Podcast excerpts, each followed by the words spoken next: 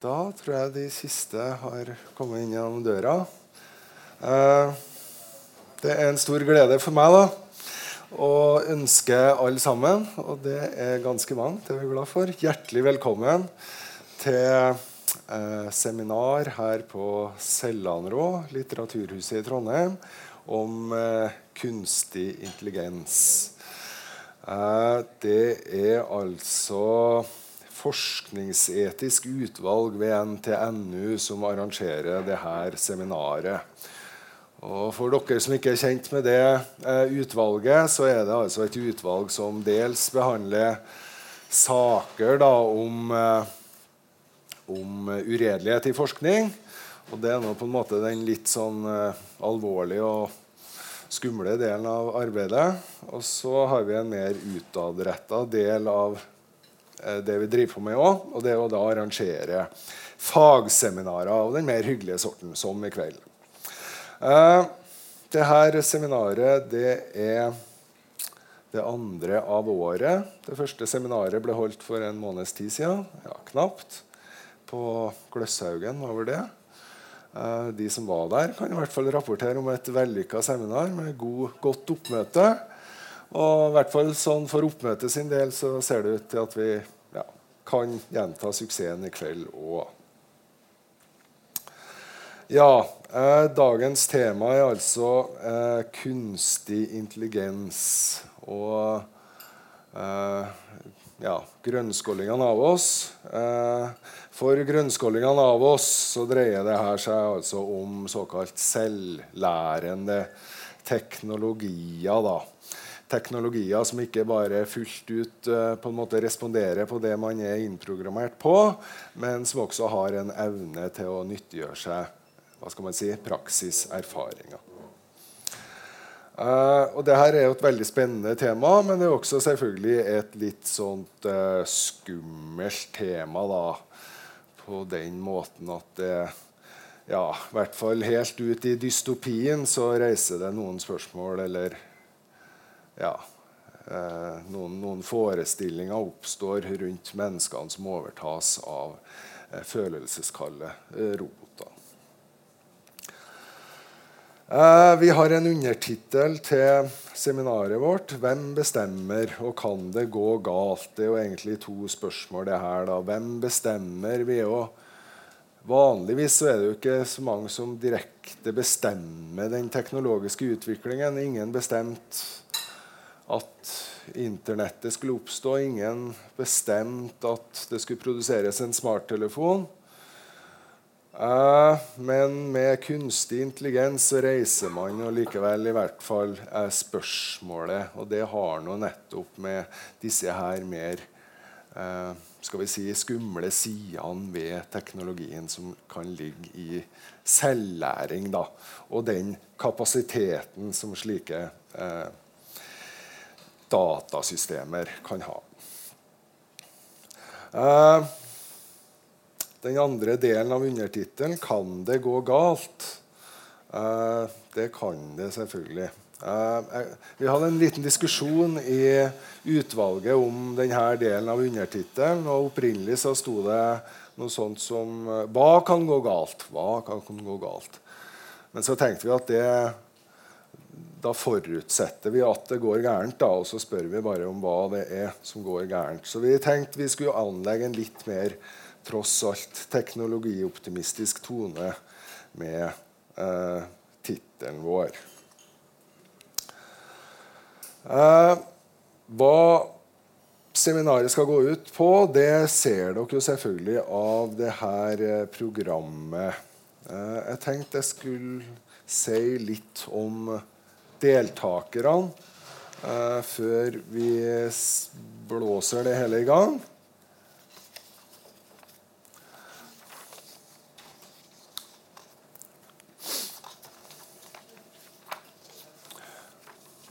Og Den første som skal eh, ut i ilden, da, det er førsteamanuensis i Ramampiaro.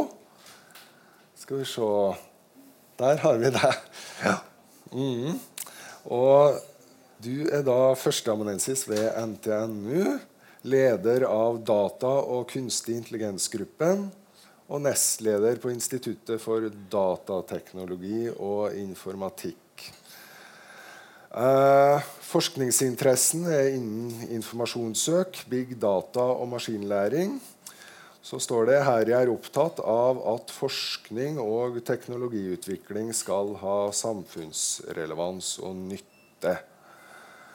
Eh, så det var Raman Piaro. Jeg tar like godt de andre også.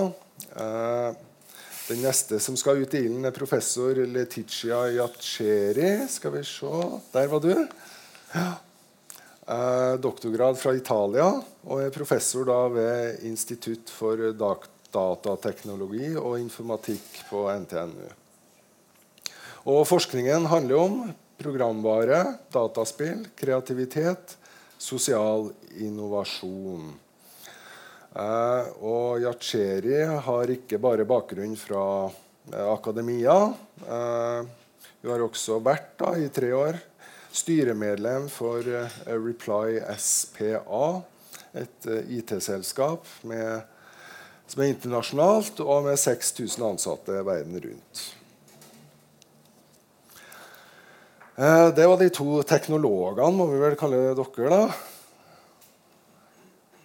Så har vi med to filosofer. Einar Duenger Bøhn. Professor i filosofi og medlem av Center for Artificial Intelligence Research ved Universitetet i Agder. Og spesialisering da innen metafysikk, teknologiens filosofi etikk og religionsfilosofi. Og den andre filosofen er da førsteamanuensis Siri Granum Karsson. Er da tilsatt ved Institutt for filosofi og religionsvitenskap på NTNU i Trondheim. Og har en ph.d. i filosofi med avhandling om menneskets handlingsfrihet og tilsatt ved Program for anvendt etikk med særlig ansvar for bedrifters samfunnsansvar og eh, næringslivsetikk. Og Forskninga hennes eh, dreier seg primært om bedrifters rolle i det samfunnet som de er en del av. Eh, så vi tror at det her blir en fin miks av bakgrunn og kunnskap for dette seminaret. Eh, vi har lagt det opp sånn ser dere, at det er ca. 20 minutter for hver av de tre første innlederne. Og så er det Siri Karlsson, som opprinnelig da bare var en del av det eh, debattpanelet som så å si skal ta over etter innlederne. Eh, men eh, Siri skal også ha en innledning som antagelig da blir litt kortere. så vidt jeg forstår. Ja. Uh, og etter at vi har fått de fire innledningene, da, så skal vi ha en paneldiskusjon. og jeg tenker at vi tar spørsmålene på det tidspunktet, sånn at vi får disse innledende foredragene først. Eh, og så tar vi spørsmålene både fra paneldeltakerne selvfølgelig, og gjerne fra publikum. Eh, jeg tror nok at vi trenger en pause oppi det her. Det er ikke sikkert at det er så enkelt og tilgjengelig alt. Så, men det ser vi litt an, om vi tar det etter andre eller tredje innleder. Det, det, får, det får vi se litt på. Men sånn omtrent midtveis i hvert fall, så tar vi en pause. Ok, da har jeg brukt opp uh, tida mi og godt og vel det. Da skal jeg bare få gi ordet til Harry Raman Piaro. Vær så god. Takk for det. Uh, jeg trenger ikke introdusere meg selv uh, på nytt. Det er det som dere legger merke til, at jeg kommer fra Norwegian Open Air Lab. Jeg har vært med å starte opp iLaben på NTNU. Så det er også på en måte en del av bakgrunnen min.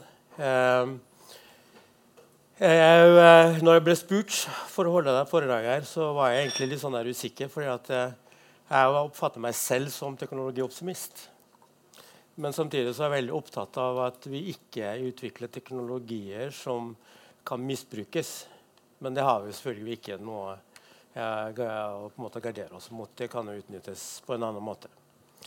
Jeg tenkte egentlig jeg skulle legge opp til presentasjonen min sånn at det er lov å stoppe meg underveis hvis dere har lyst til å stille spørsmål. Men så må du styre sånn at jeg ikke misbruker tida mi også, for at de andre skal ha plass. Eh, jeg er litt sånn snakkesalig, så da får dere bare stoppe meg hvis, det, hvis jeg bruker for mye tid. Eh, jeg har lyst til å sånn der, litt eh, i starten, før jeg sier noe mer, eh, bare sånn uformell sånn spørreundersøkelse. Hvem er redd for AI? Ja. Er det fordi dere ikke vet hva det er, eller er det fordi eh, dere har blitt påvirka av det som blir skrevet i media. og sånn. Ja?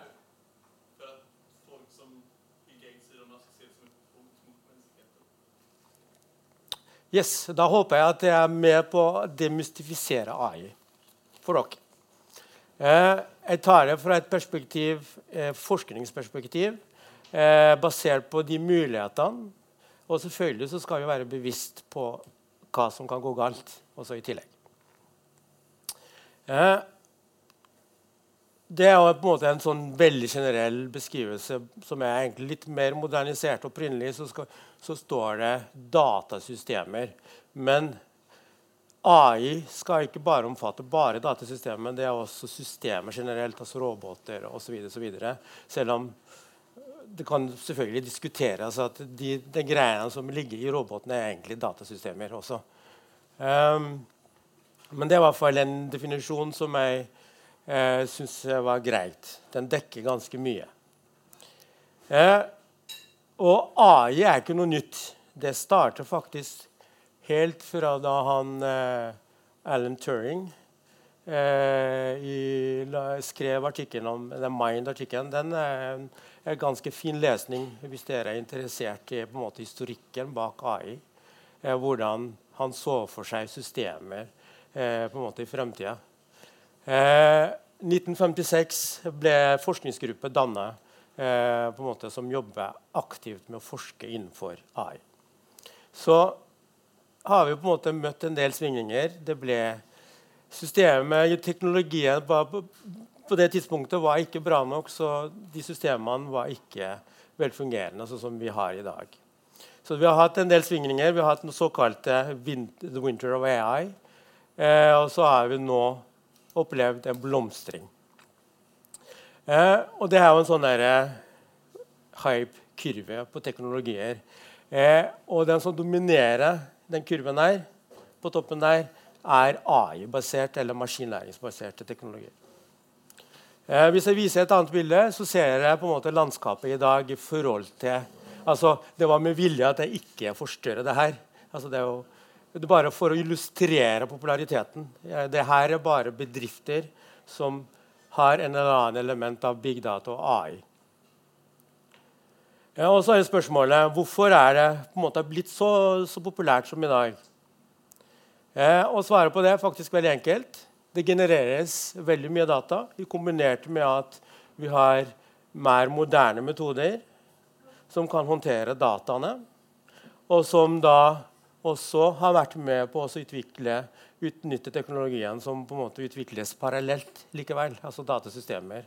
Eh, mange av de ungdommene som vi har i huset hos oss i dag, driver med spill, og de vil ha de beste grafikkortene. Men de grafikkortene kan vi faktisk også bruke til å trene opp såkalte maskinlæringsalgoritmer. Så det, Kombinasjonen av de tre har vært med oss og at vi har kommet dit her i dag. Eh, I en sånn Tesla selvkjørende bil så ligger det en sånn tilsvarende sånne for oss å håndtere f.eks. Eh, sensorene, også beregning underveis for å hjelpe sjåføren med selvkjøring. Så er det mange anvendelsesområder som vi kan bruke dette til.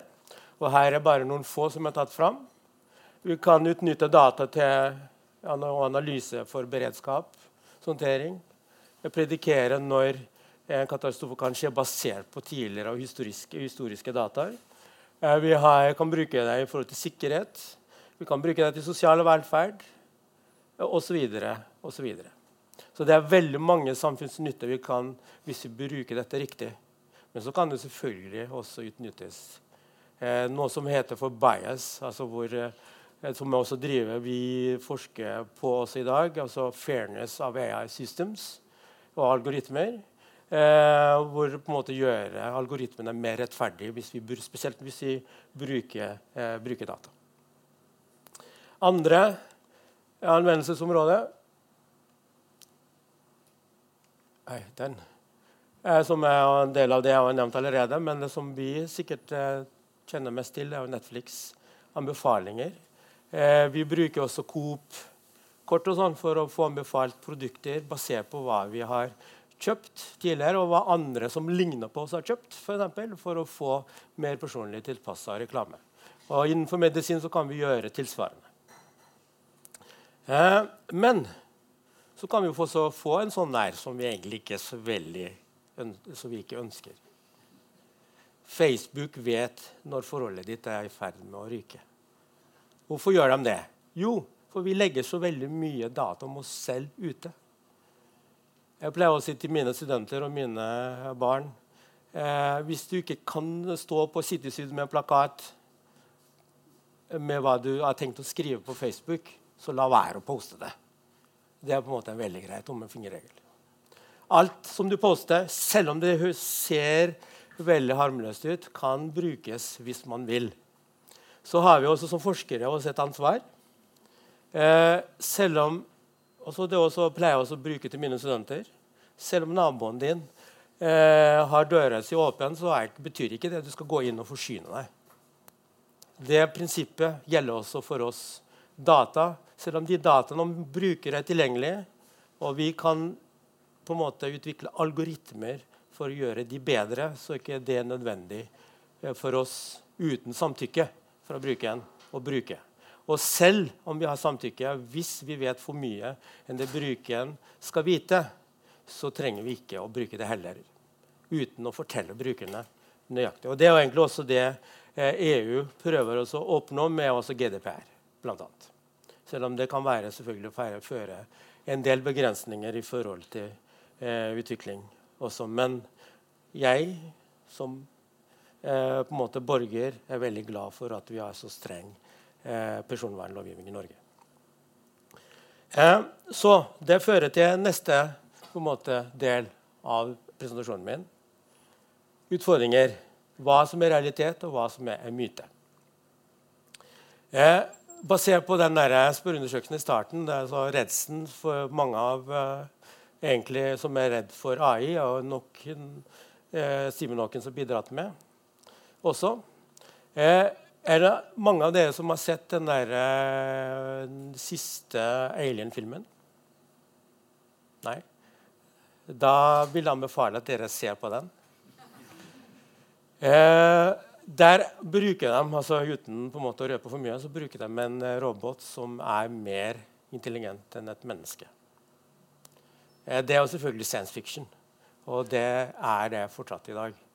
Eh, og håper innen den tid vi når dit, at vi har verktøy og alt på plass for å unngå at vi når det som skjer i den filmen. Så dere må se filmen. Eh, men det som, egentlig, det som, er greit å snakke om, som egentlig, og vi er veldig opptatt av å være bevisst på Personvern allerede nevnt. Eh, sikkerhet det er veldig lett å bruke algoritmer for, å, for å håndtere Identifisere mønstre som avviker fra det normale. Og så bruke AI til å predikere at dette kommer til å bli et angrep. Men det er også det faktumet at maskinen aldri blir slitne. Så kan du lage et system for oss å angripe også, eh, som kan gjøre det, gjøre det uendelige uten å bli sliten. Eh, så det må vi jo tenke litt på når vi lager algoritmer og metoder. Etikk. Etiske dilemmaer med AI er veldig viktig. Eh, skal vi kunne bruke AI til nytte, så kan vi også bruke utnytte det til noe unyttig. Eller også til f.eks. eh, andre ting som kanskje ikke er så veldig nyttig. Eller som er på grensen til etisk problematisk. Bl.a. overvåking. Eh, det finnes jo et land som, eh, som, på en måte egentlig ikke har personvernlovgivning som vi har i Norge, som bruker det AI til fulle å overvåke sine borgere. Eh, dit er heldigvis vi ikke, og vi prøver i hvert fall eh, i Norge å ha systemer for å håndtere dette på en fornuftig måte. Og så selvfølgelig så kan jo AI-systemet brukes til å lage våpen. Farlige våpen. Eh, så jeg nevnte også rettferdighet. Et eksempel, veldig godt eksempel hvor uh, ting kan gå galt. Når uh, en stort selskap i USA skulle ansette medarbeidere, så brukte de data fra tidligere ansettelsesprosesser, hvor menn var favorisert av de menneskene. Så når de laget systemer hvor de brukte historiske data, så favoriserte også systemet menn fremfor kvinner uansett. Så det ble bare enda mer kvinner ansatt. Nei, menn mener jeg ansatt istedenfor kvinner. Eh, så det faktisk i dag er et veldig fokus på å lage AI-systemer som skal være rettferdige. Altså fairness in AI systems. Og måte, Det som vi prøver å unngå når vi utvikler og forsker på dette, er at du skal stole, altså, nei, ikke skal stole på det vi utvikler. Og En av grunnene til at jeg også sier, sa ja til å være her, er for å på en måte demystifisere AI, er at vi skal prøve å få befolkningen til å vite mer om AI og kanskje ta eh, et litt mer nyansert bilde av dette. Eh, vi skal organisere kurs som heter Elements of AI, eh, som da starter i Finland, hvor hele hensikten er å få lære befolkningen om AI. Så Det kommer til å bli et nettbasert kurs som vi skal tilby på iLab etter hvert. Eh, og så er det mange som tenker at AI skal overta, og mange skal miste jobbene sine. Så skal jeg vise dere det her. Denne diagrammen her syns jeg egentlig eh, var, jeg fikk låne av en kollega av meg. Eh, den er eh, syns jeg var egentlig ganske OK. Eh, selvfølgelig kan det kanskje se at vi får færre jobber, men det krever også litt tilpasning på alle teknologiutvikling. Dette er ikke unikt for AI. Teknologiutvikling generelt må jo være på en måte bevisst i forhold til samfunnstilpasning og, og industrielle tilpasninger osv. Eh, vi kan jo faktisk hende at vi kan få flere jobber. Og det er det vi håper på å utvikle teknologien. At vi kan bruke kreativiteten vår og heller ha AI-systemer som kan gjøre noe som de altså, Typiske rutinejobber, og vi kan bruke menneskelig kreativitet til å gjøre noe fornuftig i stedet. Kanskje jeg er litt vel optimistisk, men jeg har tro på at dette vil fungere. Eh, men det som jeg selv tror kan være den største trusselen, er faktisk dette. Avhengighet av teknologi og eh, kognitiv eh, nedgradering pga. den avhengigheten. Eh, vi hører veldig ofte okay, så, altså Bare ta et eksempel på ungdommer generelt i dag. Eh, hvor mange av de ungdommene i dag som hvis du sier til dem regn sånn og sånn og sånn, bruker hueregning istedenfor å ta fram telefonene sine? Bare for å ta et veldig Ja, voksne òg. Unnskyld. Ja, ja, vi voksne òg gjør det. Eh, mange bedrifter som tror AI er svaret på alt. Eh, jeg har faktisk, eh, når jeg starta å jobbe med iLaben, fått telefon om, eh, om Ja, vi har hørt at den bedriften der bruker AI, og de har fått ganske bra resultater. Hvordan kan vi òg bruke AI? Ja, Så spør jeg dem tilbake hvilke strategier har du til å bruke AI. Du må på en måte ha en bra strategi for å bruke AI for å kunne få fullt utnytta dette. Du skal ikke være avhengig av at du skal ha AI for å oppnå målene dine. Du må ha et strategi for å oppnå målene dine, og så kanskje bruke AI som et verktøy for å nå det målet først. Så vi må ikke bli så avhengig av teknologi generelt, inkludert AI, sånn at vi til slutt ikke klarer å tenke selv lenger.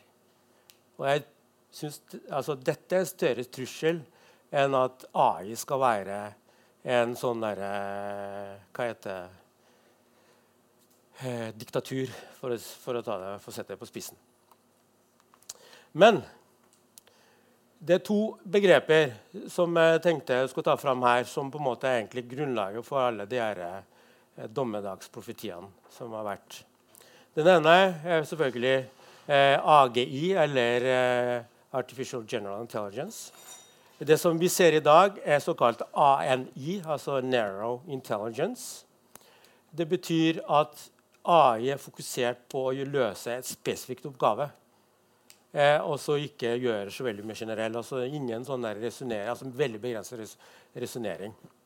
Eh, når du kommer til AGI, så har du AI-systemer som er tilnærmet lik intelligens som oss. Eh, og for å nå komme dit så må vi endre paradigmen fra å være mønstergjenkjenningsbasert til noe annet. Eh, og dit er vi ikke ennå. Noen sier 2030, noen andre sier 2050. Jeg sier ikke før eh, altså etter min levetid, før vi kommer dit. Men man vet ikke. Teknologier kan utvikles. Det er veldig mange faktorer som må være på plass før vi kommer dit. Eh, det som er Hawkins og, og hva heter han, Ellen Musk og de andre har vært eh, mer redd for, er egentlig den her. Da du får Nei.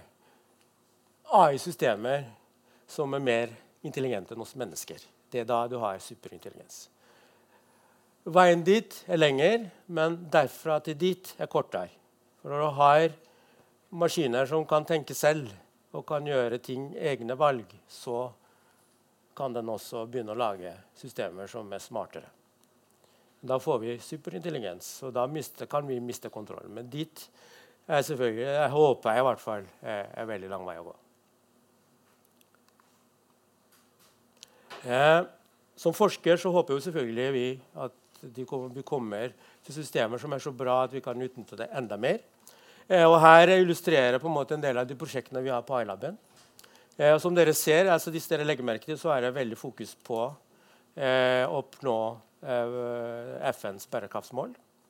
Og det er de her tallene der jeg refererer til bærekraftsmålene. Så vi har mye forskning innenfor helse. Det er forskning innenfor energi. Industriell innovasjon, infrastruktur innenfor altså IOT-systemer.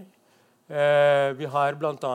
Eh, pilot her i byen for å bruke maskinlæring og AI for å måle eh, luftkvalitet i byen og predikere når det blir eh, dårlig med luftkvalitet her og som kan gjøre det lettere for Trondheim kommune for eksempel, til å planlegge eh, i forhold til trafikkhåndtering. Eh, Smart City-prosjekt har vi på NTNU. Og så har vi også forskning innenfor eh, maritim for å håndtere fisk, altså fiskevelferd. For eh, til slutt har jeg lyst til å vise eh, video. Det er sikkert, for noen av dere er det sikkert en sånn hakkeplate der, men, eh, men den tåler i hvert fall å vises en gang til uansett.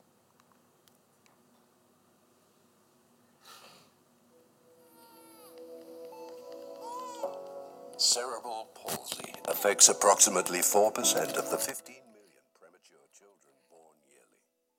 The earlier we can diagnose this disorder, the sooner we can reduce the risk of further damage.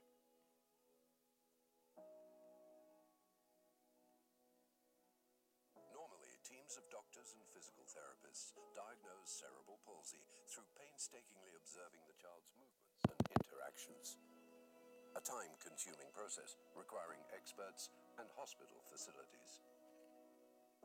At NTNU's AI lab, we are developing a new way of identifying cerebral palsy quickly and accurately, using deep learning for medical image analysis. In the first examination, the child's movements are filmed. Then, a computer analyzes the images and identifies children with potential symptoms of cerebral palsy using advanced artificial intelligence before a specialist verifies the findings. Using this approach, NTNU's interdisciplinary collaboration speeds up the diagnosis process and allows children in need to receive early treatment. Our researchers have also developed a mobile app that allows parents to carry out an initial assessment of their child in the stress free surroundings of their own home.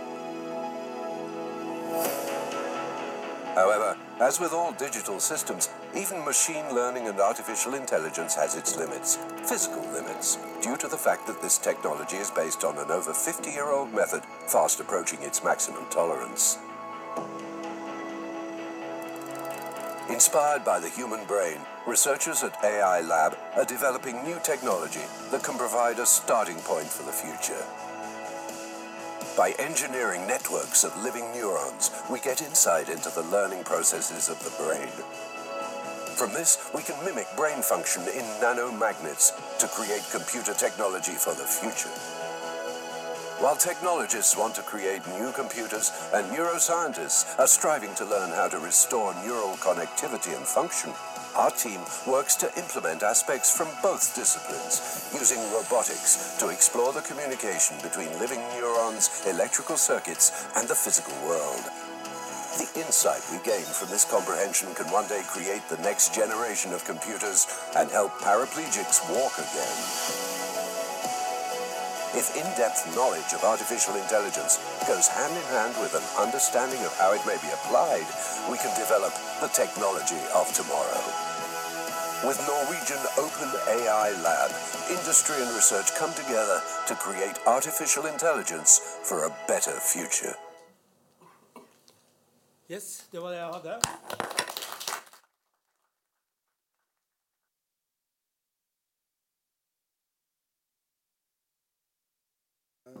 Vi bare rett videre eh, til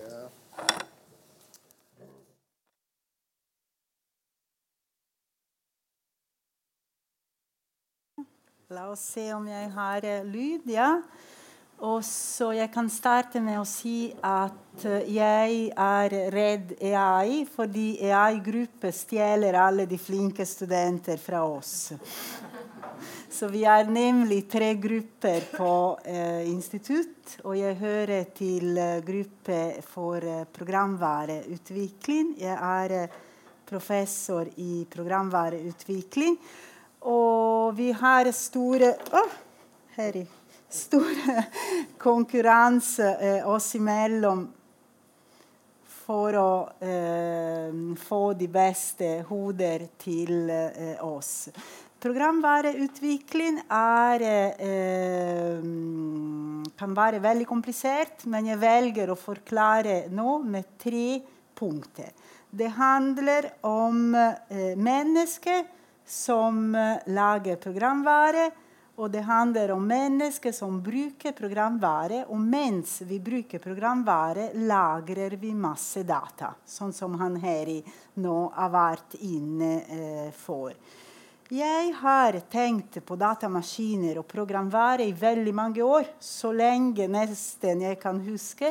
Jeg ble født en gang i 60-tallet i Pisa, og jeg var så heldig at jeg bodde et sted hvor 500 meter fra mitt hus den første italienske computer ble bygd. Det her var eh, et prosjekt som var et samarbeidsprosjekt mellom Universitetet i Pisa og Olivetti. Og den personen som mest ville det her, var nobelprisvinner i fysikk Enrico Fermi. Jeg husker når jeg var veldig liten, at mine foreldre sa at den personen jobbet med Fermi. Det var liksom ja, det beste som kunne, kunne skje, var at noen hadde vært med i den, i den gruppen som laget den første datamaskinen. Og så jeg begynte på latinskole fordi jeg skulle bli advokat som min far og leste filosofi og gresk og latin og sånn. Men da hadde jeg min ungdomsoppgjør, alle her.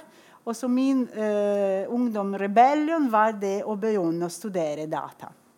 Så min far snakket ikke til meg i mange måneder, men eh, til slutt ombestemte seg og trodde det var bra. Men i hvert fall, jeg begynte å studere data i begynnelsen av 80-tallet. Og det var en fantastisk eventyr, fordi vi var 1200 studenter fra hele landet, og noen også fra utland, som studerte sammen i PISA. Og når vi studerte data i starten, det var veldig vanskelig å gå ut og snakke med vanlige folk om hva vi drev med. Men jeg husker at når vi ble ferdig, det skjedde noe helt uh, unikt. At han Keith Herring kom til Pisa og malte en Morales på veggen til en kirke. Og ikke bare det, at en kunstner som Kate Herring malte på én kirke, men i midten av den Morales Dere må dra og se den når dere drar til Pisa neste sommer eller om to sommer. Det er en computer midt imellom i den uh, Morales. Og vi hadde en følelse som var forsterket av det bildet der, at nå var alt mulig. Gjennom datamaskiner skulle alt bli mulig. Og det var jo sant, fordi datamaskiner har endret alt. Og datamaskin og programvare har endret den måte vi eh, shopper, sånn handel, har endret transport, har endret, som han her visste nå, hvordan man diagnostiserer sykdom, hvordan man lærer. Og så vi mennesker, sånn som jeg som programvareutvikling programvareutviklingsprofessor tror fremdeles, det er vi mennesker som bestemmer krav, bestemmer hvilke datasystem vi skal lage. Vi lager løsning, og vi interagerer med programvare. Og Det første spørsmålet som jeg vil at dere skal liksom tenke om nå, er hvilke aktører i samfunnet skal være med og bestemme om programvare. Og jeg tror, og jeg foreslår, at for å kunne bestemme må man forstå. Det går ikke an å bestemme over noe vi ikke forstår. Derfor jeg syns det er fantastisk at vi er her på Litteraturhus i byen, og vi prøver sammen å forstå AI og forstå programvare. Fordi vi må være med og bestemme om programvare. Og så eh, Nå stiller jeg et spørsmål til dere i salen.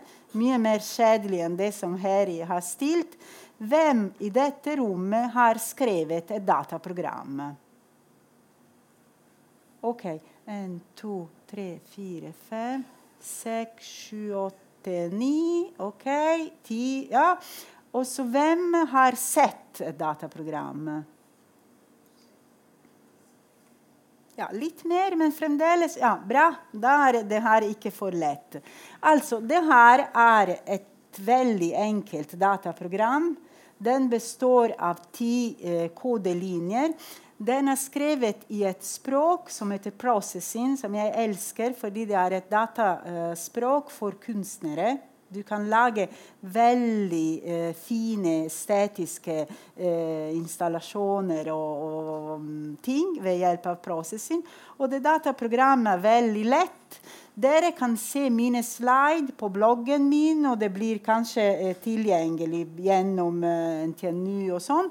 Og hvis dere klikker på den uh, URL der Jeg gjør ikke det nå her live, jeg er litt redd. Men hvis dere går der, dere ser at det går an å kjøre det dataprogram. Det går an hvis du skriver 'stroke red' istedenfor 'stroke yellow'. Du ser at den egg blir eh, rød og ikke gult. Og du ser at du kan bevege Når du beveger mus, beveger den linje seg rundt omkring. Og det er et start på et interaktivt program. Nå har jeg ikke tid til å se en sånn kurs i programmering. Det hadde jeg elsket å gjøre det her på Litteraturhus. Men det som jeg vil si til dere nå, er Her har vi ti kodelinjer. Hvis vi tar et system som Linux, som er et operativsystem som alle vi bruker, fordi når vi bruker Facebook, den er på toppen av Linux, eh, Twitter er på toppen av Linux. Linux har fire millioner slike eh, kodelinjer. Og det vi som driver med software engineering gjør, Kanskje dere syns det er litt kjedelig, men jeg syns det er veldig artig. Vi prøver å lage metoder, vi prøver å forstå hvordan mange mennesker kan samarbeide rundt disse her store programværesystemene og hvordan vi kan samarbeide på best mulig måte, og hvilke prosesser man skal bruke når man lager og vedlikeholder og forstår ikke minst disse store systemene. Dette er faget mitt. Apache er et annet system. Den er ikke så stort. Den er bare 100 000 av slike eh, kodelinjer.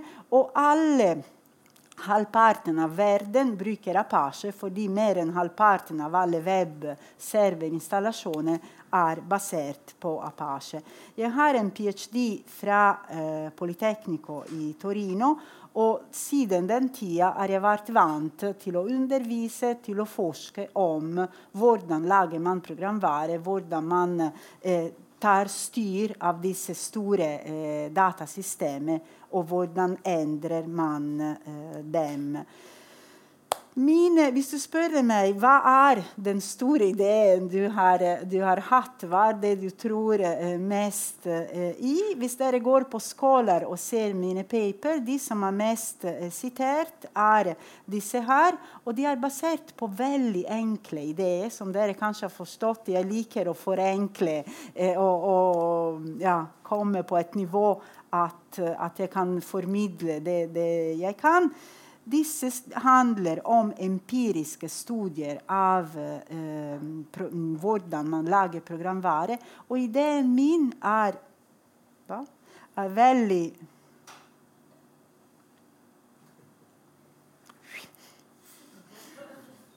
Det er veldig, veldig enkelt. Den sier vi skal eh, kjøre disse empiriske undersøkelser først på eh, universitet og vi skal bruke studenter ikke bare som prøvekaniner. Studenter er ikke bare våre subjekter i våre eh, undersøkelser, men de er selv utviklere av programvare. Når vi startet Hva skjer? Okay. Når vi startet med denne ideen, var liksom hva? Liksom det, det forsker må være eh, separert. Forskningsobjekt og forsker må være to distinkte enheter. Og i alle forskningsbøker det sto at hvis du er med i, i, å lage noe, kan du ikke observere det du lager. Men vi sto på på uh, vår idé, og i den artikkelen der eh, bringer vi fram det vi har lært rundt metoder for å kombinere pedagogiske, pedagogiske, mål og forskningsmål. Og det er noe som er veldig eh, nær, veldig kjær til meg, at vi skal ha studentene i sentrum. Og studentene skal selv være innovatører, og de skal selv bidra med data til empirisk empiriske undersøkelser, slik at vi vet mer om hvordan man lager god eh, programvare. Tilbake til programvareutvikling og AI. Hittil har jeg snakket om programvareutvikling. Her jeg har snakket om AI. Forskjellen mellom AI og programvareutvikling i veldig veldig enkelt ord det er at mens i tradisjonell programvareutvikling mennesket bestemmer krav, hvordan man lager, og mennesket bruker programvare, her i AI programvare lærer gjennom de dataene som eh, lagres. Og som Harry sier, det er veldig viktig å trene disse modeller på en måte at programvare lærer på riktig måte. Du, han sier hvis du trener modeller slik at de fleste arbeidstakere er hvite menn, da skal programvare fortsette å lære om det og skal systemet ansetter flere og flere hvite menn. Og det spørsmål som jeg bringer hit, som er mer komplisert enn det som jeg eh, stilte i stad. For i stad sa jeg ja, hvem bestemmer om programvare? Nå stiller jeg spørsmål hvem bestemmer om hvordan programvare skal lære? Det er eh, Hvem bestemmer om hvilke eh, appene vi skal bruke. Jeg var nylig i Kina for to-tre uker siden. Og for dere som har vært i Kina eller ikke vært, den store surprise er at alle de appene som vi er vant til å bruke, Facebook, Insta, Snapchat uh, osv., fungerer ikke. Der fungerer bare WeChat, som laget av Tencent, som vi har vært så heldige med våre studenter å besøke. Og da ser du tydelig det er noen som bestemmer om hvilke programvare skal brukes. Det er noen som bestemmer om hvilke data man skal lagre. Og det spørsmålet som jeg stiller til dere, og som jeg vil gjerne drodle med eh, senere i paneldiskusjonen, er hvem bestemmer hvordan programvare skal eh, lære. Det eh, første spørsmålet, hvilke aktører i samfunnet skal være med og bestemme om programvare, det er noe som jeg har brukt utrolig mange timer og dager og måneder i mitt liv. Jeg er veldig opptatt å formidle om programvare til barn, til jenter, til eldre. fordi jo flere folk forstår jo flere folk er med å bestemme, og jo bedre, etter min mening, det blir de avgjørelser som tas rundt eh, programvare. Den nydelige tegning ble laget av eh, en gruppe med jenter som vi hadde på workshop her oppe. Jeg sånn, syns det, det, er så artig å kunne komme hit i biblioteket og i byen og drive med, med slikt. Det var en gruppe jenter som av våre eh, programmeringsopplegg rundt scratch og en, eh, små, en, liten historie som heter 'Tappetina', laget det her eh, beskrivelse av et spill som skal eh, lære barn og, eh, om, om, bærekraft, om isbjørner og klimaendring. Nå, eh, Den tredje spørsmål som jeg stiller til meg selv hele tiden, men nå stiller jeg også til, til dere. Jeg har eh, til tiden gitt blaffen i alle kravene som vi har på universitetet, at vi må publisere mest mulig vitenskapelig paper og søke om flest mulig forskningsprosjekter. Jeg har tatt pause, og jeg har skrevet bøker som ikke, har, som ikke teller noe. Og det anbefaler jeg de unge folk å gjøre. Men de unge folk de kommer til meg og sier nei, jeg har fått beskjed at jeg skal være egoistisk. Ok, Det er ikke det beskjed du får fra meg. Den, min beskjed er at du skal være altruistisk og gi din kunnskap til de andre og at du ikke skal gjøre alt som din veileder, inkludert meg, sier. Noen ganger må vi gjøre det som hjertet sier. Disse bøkene skrev jeg nå for 15 år siden, først på italiensk og da på norsk. Og, der, eh, og den tredje, den 'Tapetina', skrev jeg ja, litt, litt uh, ikke for så lenge siden. Og dere kan laste ned de bøkene fra min blogg eller fra tapetina.com. Og den siste, den, de første to det er disse historiene om PISA, om de, gamle datamaskiner og software engineering. Og den tredje det handler om ei jente som programmerer og vil redde andre jenter sine eh, programmeringsprosjekter. Så spørsmål tre effektivisering eller tid til refleksjon. Spørsmål to hvem bestemmer hvordan programværet skal lære. Og en hvilke aktører skal være med og bestemme om programværet? Og min uh, setning, min mantra, er for å kunne bestemme må man forstå. Sist, men ikke minst, jeg vil nevne alle mine eh, Jeg har mange studenter og mange kolleger gjennom årene som jeg har lært av. Nå jobber jeg mest med disse eh, forskere her. Og det, disse er de prosjektene som vi jobber eh, med. Og i, jeg kan ikke gå gjennom alle prosjekter, men hvis dere er interessert, kan dere ja, se eh, selv. Og min, mine planer nå er eh, sammen med hun eh, Annemi Wikman Vi prøver å lage en SFI, et senter for fremragende innovasjon om smarte byer, hvor programvare spiller et veldig eh, viktig rolle. Og sammen med en kinesisk kollega av meg, han Jingweli, prøver vi å, å, gå et steg videre fra det NFR-prosjektet der, og prøver å lage en Chinese Norwegian Software Lab. Og da skal vi ha mange etiske utfordringer å, å løse og bryne oss eh, på, og det gleder jeg meg virkelig til. Tusen takk. Naturlig intelligens. Ok, funker det nå? Veldig bra. Tusen takk for at jeg fikk komme. Jeg har, eh, som dere skal høre snart, ikke Jeg har det, men jeg, jeg bruker ikke smarttelefon lenger, slik at jeg vet ikke hvor klokka er. Så du må holde litt øye med tida, fordi jeg følger bare min biologiske klokke, og den sklir ut. Så mye, mye er klokka nå? Klokka Fem på, Fem på, så jeg har til kvart over. Ok. Så si fra når det er ti over. Gidder du det? Fem minutter igjen. Da. Veldig bra. Så uh, Jeg jobber da med teknologiens filosofi, som sagt. Og jeg er veldig uh, teknooptimist. Uh, men det siste året, kanskje mest, så har det egentlig vært i fritt fall for mitt vedkommende.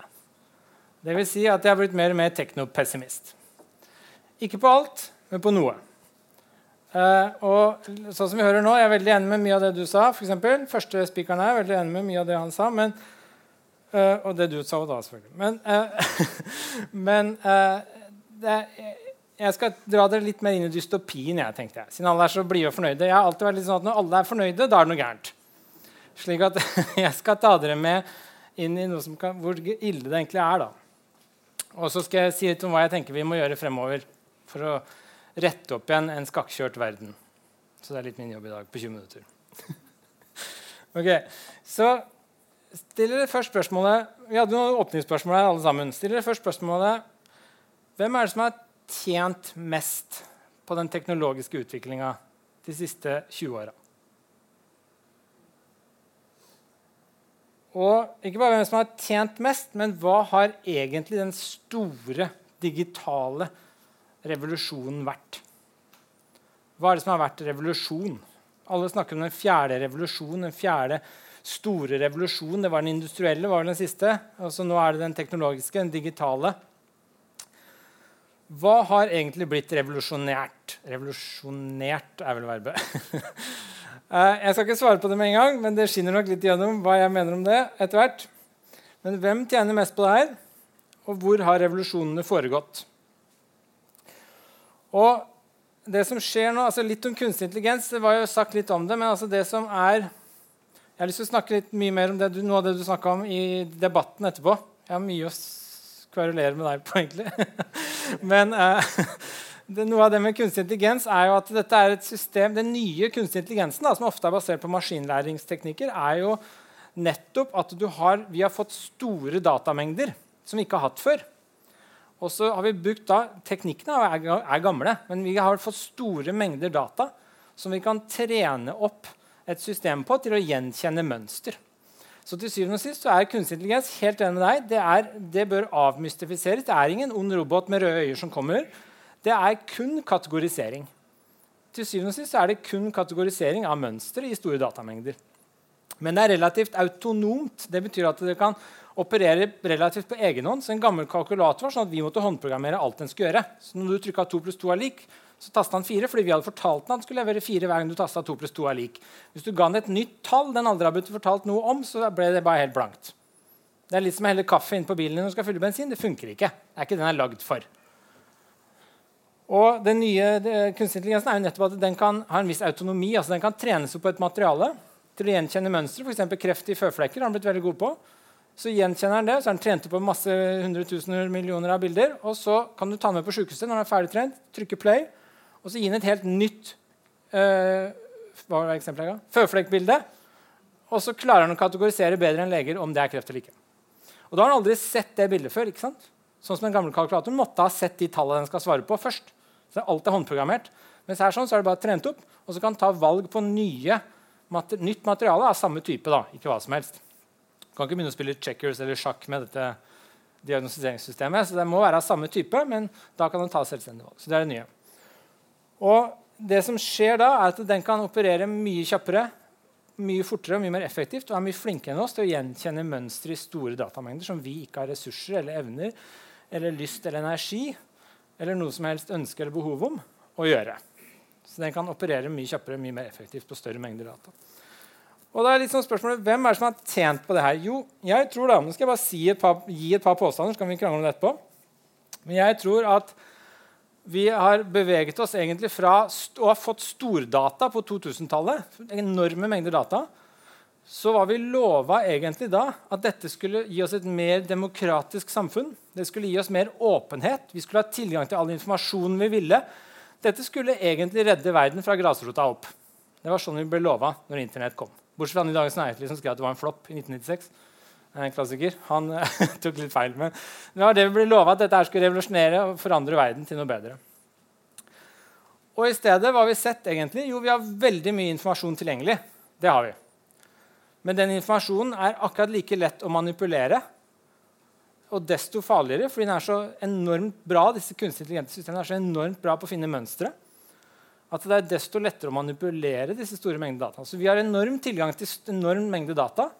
Men det sitter også noen få og overraskende få selskaper med enormt mye makt til å manipulere disse dataene til å kontrollere hva slags informasjon du skal få først. Tenk bare på potensialet i Google. Hvor mange av dere når dere googler noe, går, blar over til side 2? Ingen, ikke sant? Dere blar ikke ned til nederst på sida engang. Dere er bare på toppen. To-tre øverste. Kanskje dere hopper over der det står reklame. Annonse. står det vel. Annons, betalt annonse. De to-tre øverste. Så hopper dere ned til første. Jeg pleier å gjøre det i hvert fall. Hvor mange har vært på side 10? Ingen av dere. ikke sant? Noen gang. Dette er jo algoritmer som bestemmer hva som skal komme øverst. Uh, og det som er litt sånn skremmende, er ikke bare at dette er lett å manipulere, men det er også det at det, disse store gigantselskapene Og det er en håndfull. da. Det er sånn Google, Amazon, Facebook uh, Hvem flere har vi? IB, uh, Microsoft Det er liksom noen få. Du kan telle det på én hånd, kanskje to, hvis du, er inne i, hvis du kan leksa di.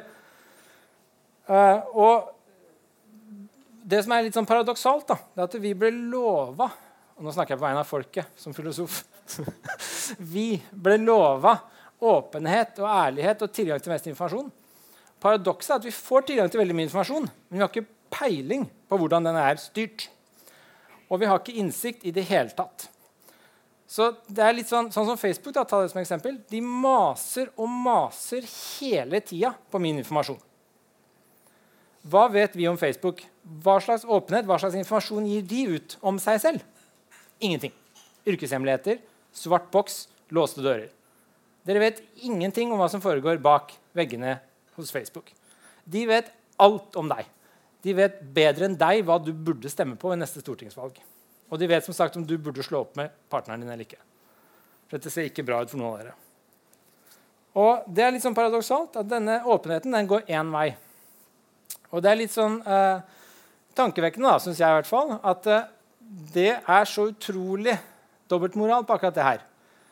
Og når mer og mer makt Der hvor det har vært revolusjon, da, som vi ikke har svart på ennå, hvor har det vært store revolusjonen?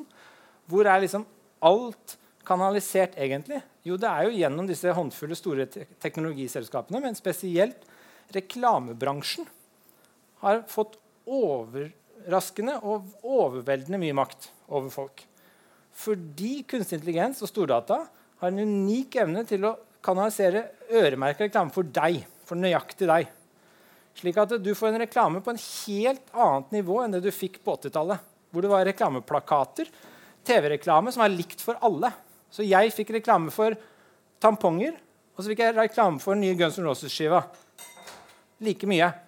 I dag får jeg ikke noe reklame for tamponger. Fordi de vet at jeg ikke trenger det. Så jeg får bare for Guns N' Roses.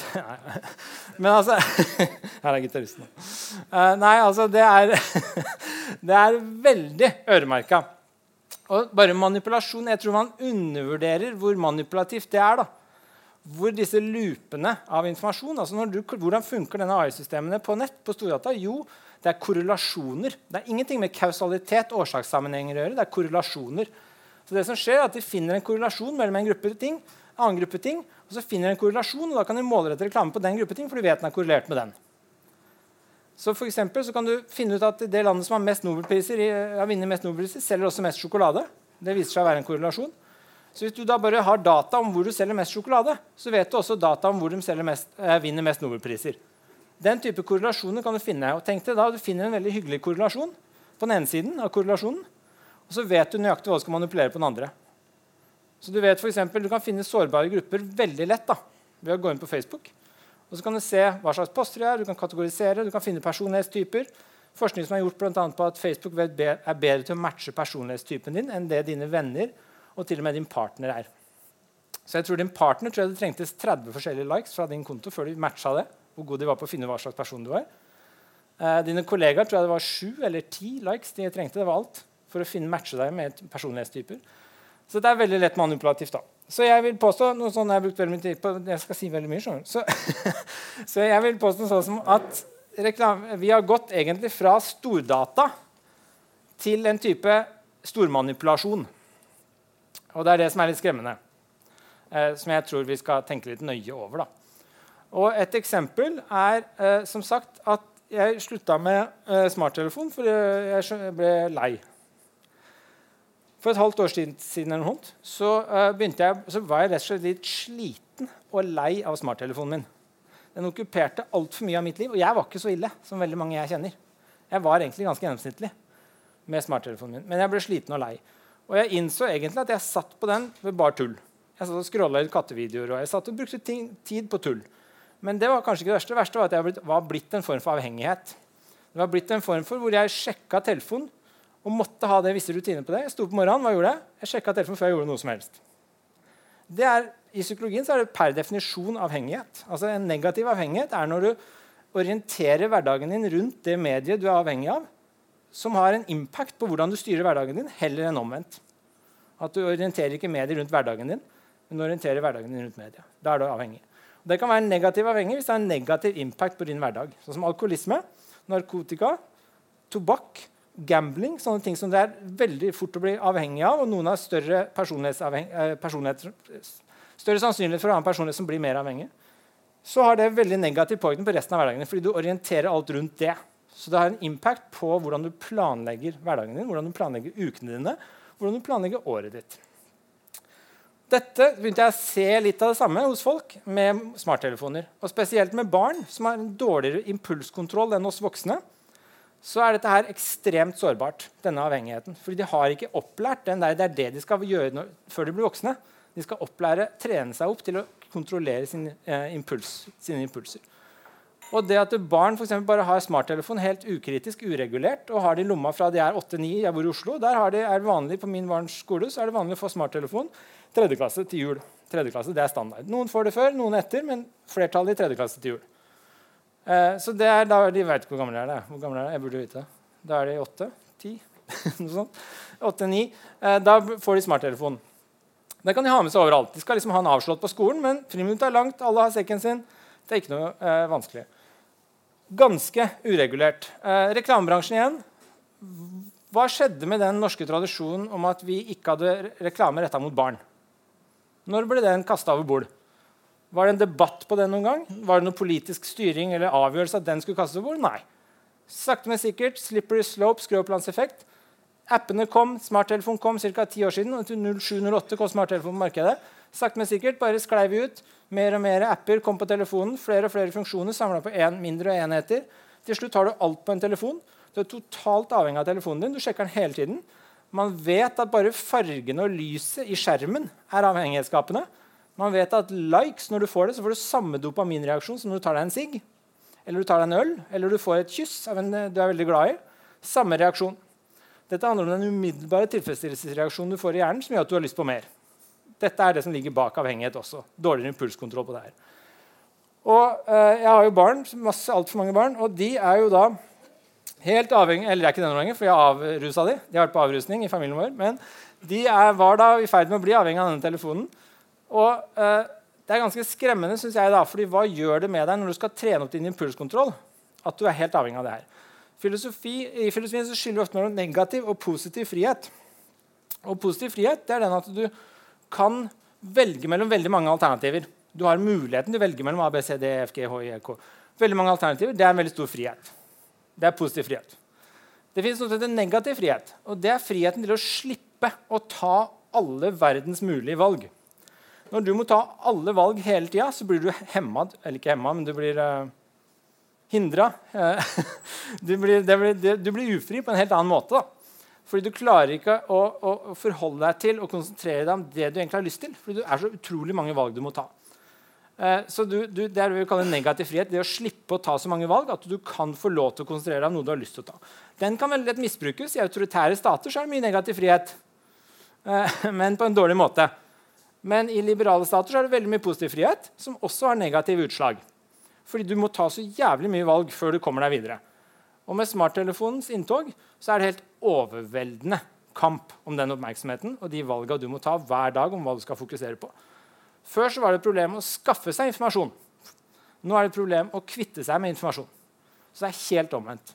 Akkurat samme problemet, men helt omvendt. Du er like ufri som du var før. Ikke noe mer fri enn du var før. Så dette her ble jeg mer og mer lei og dritlei. Til slutt så kvittet jeg meg med jeg kvittet meg ikke helt med, for jeg har barn som har smarttelefon, så jeg må ha den, men han ligger hjemme. Så kjøpte jeg meg en dumtelefon på Claes Olsson til 249 kroner. Så har jeg en sånn gammel 90-tallstelefon med bare knapper på. I begynnelsen tok jeg dem, så var jeg avhengig, så jeg tok dem bare og sjekka. Og det funka ingenting. Jeg tok på skjermen, og sånn, det skjedde ingenting. Eh, og så Til slutt så gjorde jeg det mindre og mindre. Eh, og til slutt så var det, det gikk ikke så veldig lang tid, en par måneder kanskje, så var det da helt avrusa. Jeg glemte den hjemme en dag og dro på jobb. Jeg var så stolt. For jeg hadde glemt igjen telefonen min, for jeg hadde tenkt på helt andre ting. Ikke at jeg gikk og tenkte på telefonen hele tiden, men det var instinktivt ubevisst at den lå i lomma som mulighet til å sjekke ting hele tiden. Og når jeg skjønte at jeg var inne på VG, som er en av verdens dårligste aviser Jeg var inne og sjekka overskrifta og så flere ganger i løpet at det var samme overskrift jeg gikk inn på nytt. Og de skifter ofte overskrifter.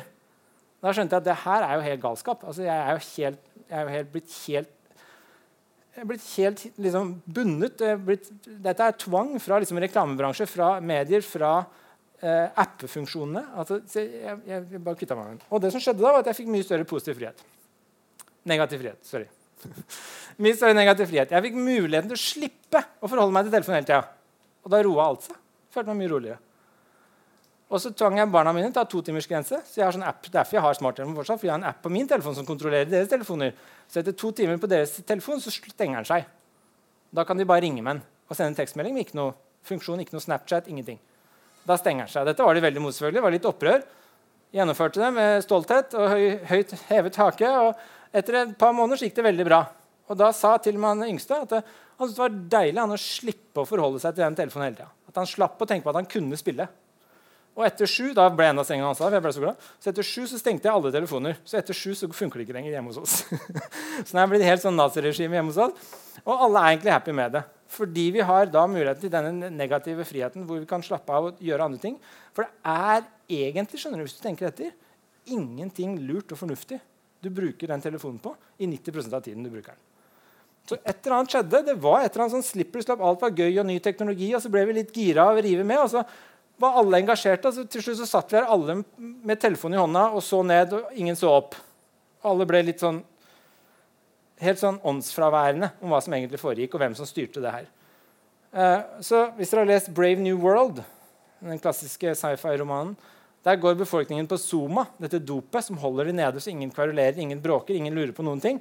Alle bare er lykke, Det er lykkedop. Alle bare er happy. Og etter hvert så satt jeg på trikken i Oslo så så jeg alle satt på hver sin telefon. Så så jeg bare Zooma. Jeg lyste bare Zooma opp overalt. Alle gikk på Zooma. Det det som, det ble en litt lang fortelling, men dette er på en måte poenget at det, er, det blir regulert på en helt annen måte enn det vi tror. Da. Så denne åpenheten det er bare en scam. Det er ingen åpenhet her egentlig. Og det er det jeg, nå har jeg vært veldig negativ, så nå skal jeg si litt om noen positive ting. Uh, det jeg skulle ønske, er at vi nå kan gå over til å se litt mer Hittil, da. I hvert fall på, sånn, tenk på sånn skolevesenet, Norsk skolevesen. De innfører noe lærebrett, kaller de det. Det er iPader. da. Jeg kaller det bare iPader, men de kaller det lærebrett. Det er Apple til og med som har lagd det. Det står iPad på dem, men de heter lærebrett. De innfører det nå på skole etter skole. Og dette er jo da reklamebransjen Teknisk Kompani som nå har tatt, inntatt lærerutdanningen. Eh, lærer, eh, altså utdanningssystemet i Norge. Ikke lærerutdanningen. Og eh, det jeg skulle ønske, da, eller håper, det er at vi går over fra å stille bare spørsmålet hvordan kan vi bruke denne teknologien, til å stille oss spørsmålet hvorfor skal vi bruke denne teknologien akkurat her. Eh, det, liksom det, det, det, er ikke så veldig mye å spørre om, egentlig, men det hadde vært litt kult. For det, sa du også. Bedriftene ringer og sier de, 'Hvordan kan jeg bruke AI nå?' Og så kanskje heller burde stille deg spørsmålet hvorfor skal du egentlig bruke AI. Er det egentlig vits i? Og jeg er ikke så opptatt av å tjene penger, for jeg er filosof. så jeg har ikke noe forhold til penger. Jeg. Så ikke, Mitt interesse er ikke liksom å hjelpe selskapet til å tjene mer penger. Eh, min interesse er liksom å se hvordan bør vi leve egentlig? Og hvordan skaper vi et godt samfunn? Og hvis vi stiller hvorfor skal vi bruke den teknologien, og hvem styrer det, hvem tjener på det? Hvem tjener egentlig mest på at mine barn har en smarttelefon? Det er ikke barna. For de sitter der og bare ser på den. De har ikke evnen til å tenke over hva de egentlig har lyst til å gjøre, fordi de sitter bare og blir underholdt hele tiden. Så de tilfredsstiller sin førsteordens ønske hele tiden. Det de har lyst til, det blir tilfredsstilt hele tiden. Der og da. Men de får dårligere da, tid til å konsentrere seg om hva de har lyst til å ha lyst til. En sånn andreordens følelse det krever planlegging. da. Så en narkoman har lyst på narkotika hele tida. Men det er ikke det han har lyst til å ha lyst på. Det er noe annet. Og det er det når den førsteordens hele tiden dominerer, at du ikke klarer å planlegge lenger. Og det er problemet med når teknologien griper oss, og vi blir avhengige, og vi blir tatt fatt med den teknologien. Litt det du var inne på med avhengighet av teknologi. Når den tar overhånd, så klarer, mister vi den evnen og den tiden og den kjedsomheten og energien som kreves til å tenke over hva det vi egentlig har lyst til på litt lengre sikt. Fordi du hele tiden blir underholdt med en ny episode på Netflix. Det tar bare to-tre sekunder, så kommer en ny episode. Det er lett å se to på rad. Det er lett, det. Og tre, kanskje. Men var det egentlig det jeg hadde lyst til når jeg satte meg ned? Hadde jeg egentlig lyst til i 2007, når jeg kjøpte min første smarttelefon, å sitte egentlig all min fritid på smarttelefon? Nei. Det var ikke det Jeg hadde lyst til. Jeg spurte aldri om det, og jeg hadde aldri bedt om det. Det bare skjedde. Så eh, det jeg har lyst til å si Nå skal jeg litt ut igjen. Det jeg skal si da, om noen positive ting, det er at eh, jeg tror vi nå, da, nå Jeg merka det siste året spesielt at det her kommer til, det kommer mer med kritiske stemmer frem. Og flere ble, flere ble kritisk til det her. Jeg, holdt veldig, jeg hadde et forslag på NRK. jeg vet ikke om dere, noen har lest det. Er det noen som har lest det? Jeg skrev om smarttelefoner skal ha 16-årsgrense. Er det noen som leste det? Ingen? Alle i Oslo leser. okay, eh, så Det var et forslag om å regulere smarttelefon med 16-årsgrense. At ingen barn under 16 skulle få lov til å eie eller kjøpe en smarttelefon.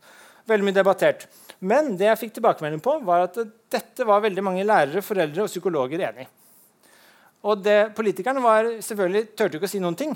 fordi de vet ikke de, hva de, som skjer hvis de sier ja eller nei. fordi da kan de miste eller ikke miste. De visste ikke hva de skulle si, så de var bare helt stille. Selv i debatter og sånt, var det sånn, ja, det er interessant, men det må vi tenke på. De tørte ikke å forplikte seg til noe som helst, fordi dette er livsfarlig. For det er veldig farlig å regulere, For en politiker er det veldig farlig å regulere. Mye lettere å deregulere. Du får mange flere stemmer på å senke skatten enn å heve dem. For eksempel. Slik at det er veldig sånn, uh, men det jeg ser nå, er at feedbacken kommer mer og mer ut. At eh, folk begynner å se mer kritisk på det. Det har vært veldig gøy i ti år med ny teknologi nå. 10-20 år. Veldig artig. Vært en fest, egentlig. Nå kommer søndagsmorgen med bakrusen. Og nå begynner vi å se at reguleringen kommer til å komme. Det siste nå er at England har foreslått å forby likes for barn. De har foreslått å forby appevarsler for barn. Det begynner å komme nå. Frankrike har innført nulltoleranse for mobiltelefoner i skolen i skoletida for barn. Dette begynner å komme, og jeg tror det kommer til å komme. Jeg ser veldig mange analogier med eh, tobakkindustrien, faktisk. Hvordan den var uregulert før. Og så kom de negative effektene. Og så ble den mer og mer regulert. Men det tok jævlig lang tid. Første regulering på tobakk i Norge var 1899. Siste var i 2003 eller 2013. Først ble det lokalt litt regulert og for ikke for barn. og så I 1973 ble det 16-årsgrense på nasjonalt plan. 2003 eller 2013, jeg husker ikke hvilke av de, så ble det 18-årsgrense på nasjonalt plan på tobakk. Det tok lang tid. 100 år. 113-14 år på å regulere den bransjen. Jeg det, men jeg tror, ser nå at det kommer til å komme litt mer reguleringer på eh, teknologibransjen også.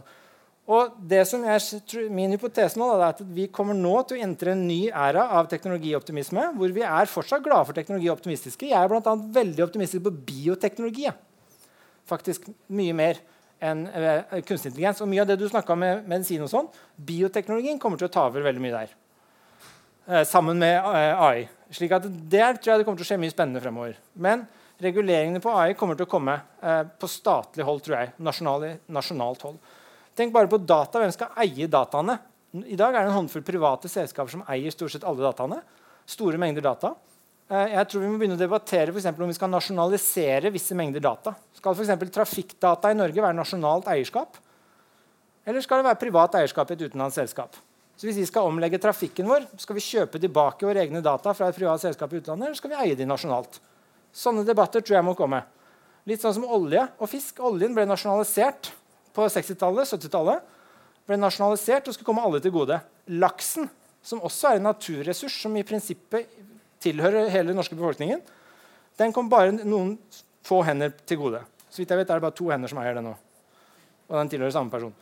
De to hendene. Slik at det er veldig mye, eh, Han er 25 år. Men det, og arva det. Han har ikke gjort noe for det engang. Men det er veldig mye, eh, veldig mye debatt der som jeg tror bør komme opp. da.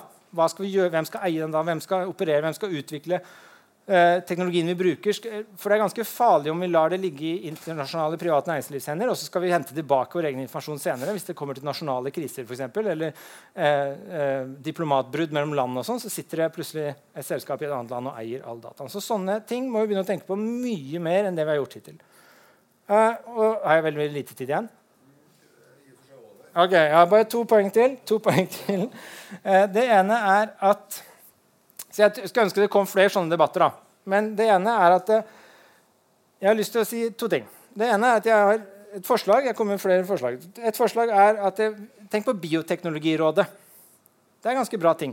Det er et råd som er et mandat til å komme med råd et, mandat, et råd som har mandat til å komme med råd om bioteknologi. Og offentlig anmeldelse av bioteknologi. Hva slags bioteknologi vi bør akseptere, hva slags vi bør bruke det, og komme med debatter og råd om det. Og Det er et bredt panel sammensatt. Det er, eh, har mandat helt inn på Stortingets ganger. Eh, regjeringskvartaler. Det er veldig tungt råd. Jeg tror vi trenger noe lignende om kunstig intelligens. Så kall det Kunstig intelligensrådet. Hvor vi har et råd med et mandat helt inn til eh, regjering og stortingshold, men som er uavhengig. selvfølgelig. Så det, ellers er det krise med en gang igjen. Det må være helt uavhengig.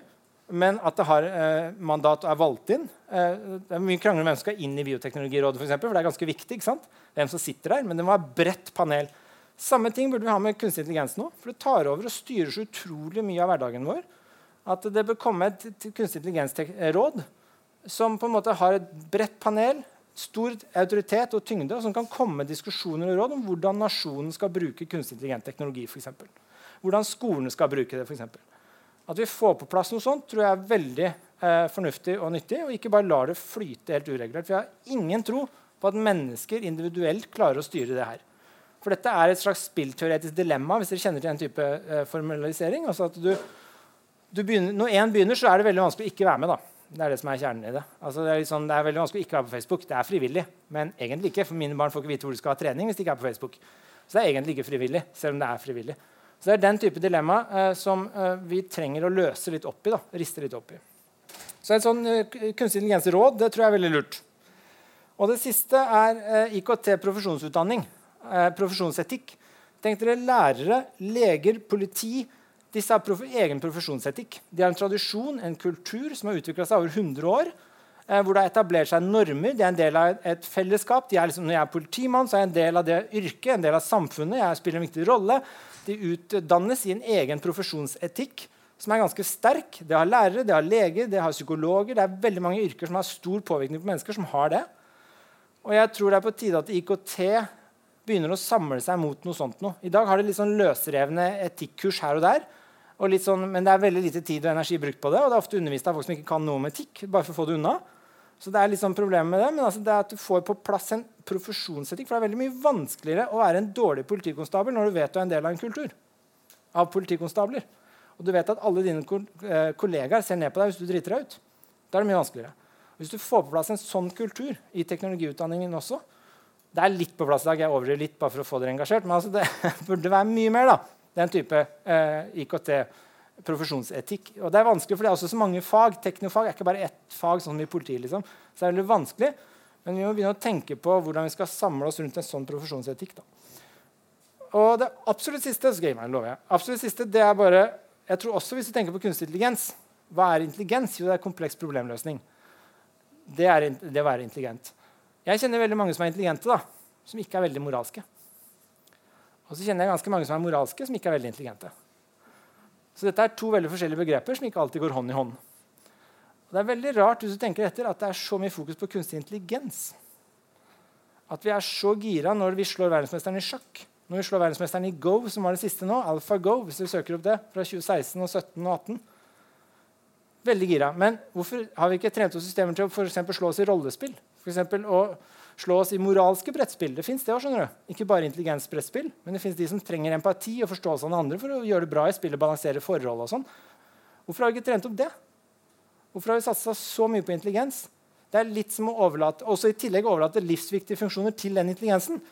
Det er litt som å overlate livet vårt i hendene på en utrolig intelligent psykopat. da. Så Det er egentlig veldig rart, alt som har skjedd de siste 100 åra. Det starta litt før Alan Turing. Så 50 ja. Eh, ok. Veldig lenge jeg har prata nå. Jeg er helt utslitt òg, så vi får bare um, ta debatten etterpå. Takk. Tusen takk, Bjørn. Jeg har jo smarttelefon, så jeg har ingen unnskyldning. Så jeg må bare holde tida. Prøve å bruke mine fem minutter godt her. Eh, takk for invitasjonen til Forskningsetisk utvalg. Takk til tre veldig spennende innledere. Eh, som jo har angrepet her fra veldig ulike vinkel. Um, og egentlig altså, gitt ganske mange generelle innspill. Altså, det her med Teknologiutvikling har jo alltid gitt opphav til etiske utfordringer. og noen av etiske, Mange av de etiske utfordringer har vi hørt om her. Så spørsmålet er er det noe nytt, noe eget med kunstig intelligens, eh, eller er det mer sånn grader, eh, nye varianter av det samme?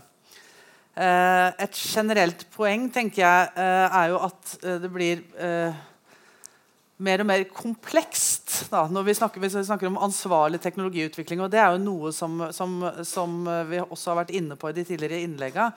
Uh, og jeg synes uh, Den nederlandske filosofen René von Schomberg han har et ganske godt eksempel på det. Han bruker det her bildet av den her passarola, den, her, uh, den såkalte passarola eller ugly bird, den første bildet her, som eksempel på hvordan teknologiutvikling har blitt mer vanskelig å kontrollere. Da.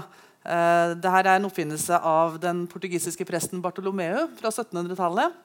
Uh, og når han lanserte oppfinnelsen sin, så sa han samtidig at ja, men det her kan jo også brukes til kriminell aktivitet. så vi må passe på litt. Uh, og Da sa den portugisiske kongen at ok, men da får vi bare bestemme, uh, kontrollere hvem som bruker oppfinnelsen. Bare du. Bare Bartolomeo får lov til å bruke Passarolo. Ferdig med den.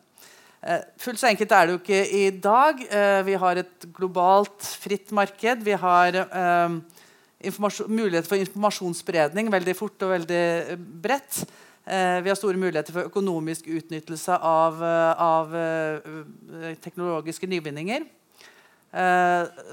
så de, de, de tingene totalt sett gjør at det blir mye vanskeligere å kontrollere bruken av, av teknologi. Von Schomberg sier at teknologien har blitt demokratisert i sin bruk og privatisert i sin eh, produksjon. Dette er jo noe forrige innleder også egentlig var inne på. det her med privatiseringen av produksjonen. Så positive ved det her er jo en økt tilgjengelighet av teknologien. Um, ikke bare Bartolomeum, men vi alle får del i teknologiutviklinga. Uh, det negative er muligheten for tap av kontroll. Uh, så hva med kunstig intelligens spesielt? Uh, vi har også vært inne på i tidligere innlegg faren for å hype kunstig intelligens som teknologi. Eh, det har jeg illustrert med bruken av Sofia the Robot, som dere kanskje kjenner til. Hun er jo litt av en hype, også litt av en hot bird. Eh, jo, eh, kunstig intelligens er jo en litt sånn sexy teknologi som på en måte appellerer til vår fantasi. Eh, og som også kanskje appellerer til våre mareritt, eh, særlig knytta til det her med muligheter for tap av kontroll. Og en særlig utfordring når det gjelder å kontrollere kunstig intelligens, er eh, kanskje det her med, med muligheten for såkalte black box-problemer. Eh, der vi f.eks. Med, altså med avanserte former for maskinlæring, dyplæring, ikke lenger har innsikt i hvorfor eh, man får de eh, resultatene man får. Um, hvordan, eh, hvorfor er algoritmene sånn som det er? Hvor, hvordan kommer de fram til bestemte svar? Eh, så den utfordringa jeg har lyst til å rette til de mer teknologiske uh, av våre innledere her, er i hvor stor grad må vi vurdere trade-offs mellom enklere kunstig intelligens-modeller som kanskje er mindre treffsikre, og mer komplekse dyplæringsmodeller som kanskje er mindre transparente, som er mindre gjennomsiktige. Letizia sa jo, gjentok, hadde jo et veldig fint refreng. for å kunne bestemme så må man forstå. Og, og, det er jo kanskje egentlig det jeg tenker er hovedutfordringa når det gjelder eh, de mer avanserte formene for kunstig intelligens. Um, og jeg tenker at Reguleringer må ta på alvor ikke bare hensyn til sikkerhet, men også viktigheten av teknologiens forklarbarhet. Ikke minst når vi snakker om muligheten for demokratisk styring av, av teknologiutviklinga. Um, og at dette er viktig for tilliten til denne teknologien. Det er, viktig for, eh, det er viktig ikke bare at teknologien virker, ikke bare at teknologien er treffsikker, men også at vi forstår, at vi har muligheten til å forstå. Kanskje ikke jeg, da, for jeg er filosof, men at de som setter seg inn i det, de som ønsker og klarer og prøver å forstå, at, de, at vi bevarer den typen kontroll. Uh, og at det er viktig som sagt, for demokratisk styring, men det er også viktig for at vi skal kunne akseptere uh, når teknologien en sjelden gang da svikter, at vi har, fortsatt har den kontrollen. Så det er egentlig mitt, uh, mitt, lille innspill til debatten her. Og da håper jeg egentlig at vi kan bruke resten av tida til å prate litt sammen. Takk.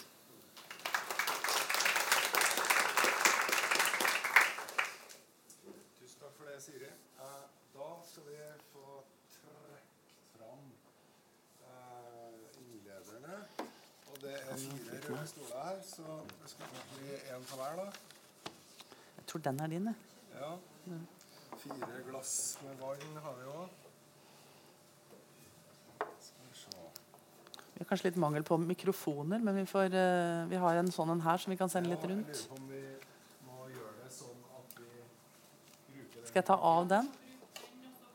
Flytte litt på den her? Ja vi se. Jeg kan bare bruke den, og så da bruker ja, ok.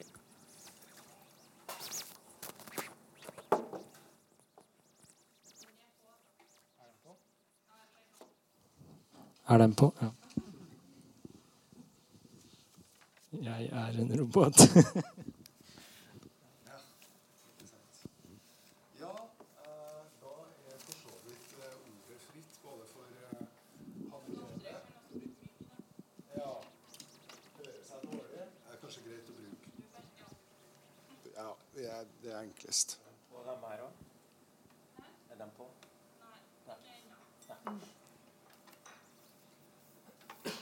Ja, som jeg forsøkte å si, eh, ordet er fritt for eh, både dere tilhørerne og eh, panelet som sitter her. Og siden, siden det så langt har vært på en måte en slags ensidig vei herfra og ut, så kan det, kan det være greit å rette spørsmålene eller eh, rette oppmerksomheten ut mot forsamlingen sånn i første omgang. Er det kommentarer eller spørsmål fra dere som sitter her? eh, til det som vi har fått presentert så langt. Ja, vær så god. Skal vi se. Da må det sånn. Så kan du si navnet ditt også. Ja, hei. Eh, Jeg er Sara. Ehm, ja, jeg vil bare kommentere først og fremst at uh, jeg var veldig fornøyd med å høre Eller for, med å lære så mye. Um, og også med å høre uh, de utfordringene eller um, det som kanskje er litt uh, kan opprøre litt skepsis. Um, for det gjør det hos meg, i hvert fall. Generelt så er jeg nok et offer av AI. Ehm, men jeg har veldig mye skepsis mot det. Um, og ikke minst den redselen, så å si.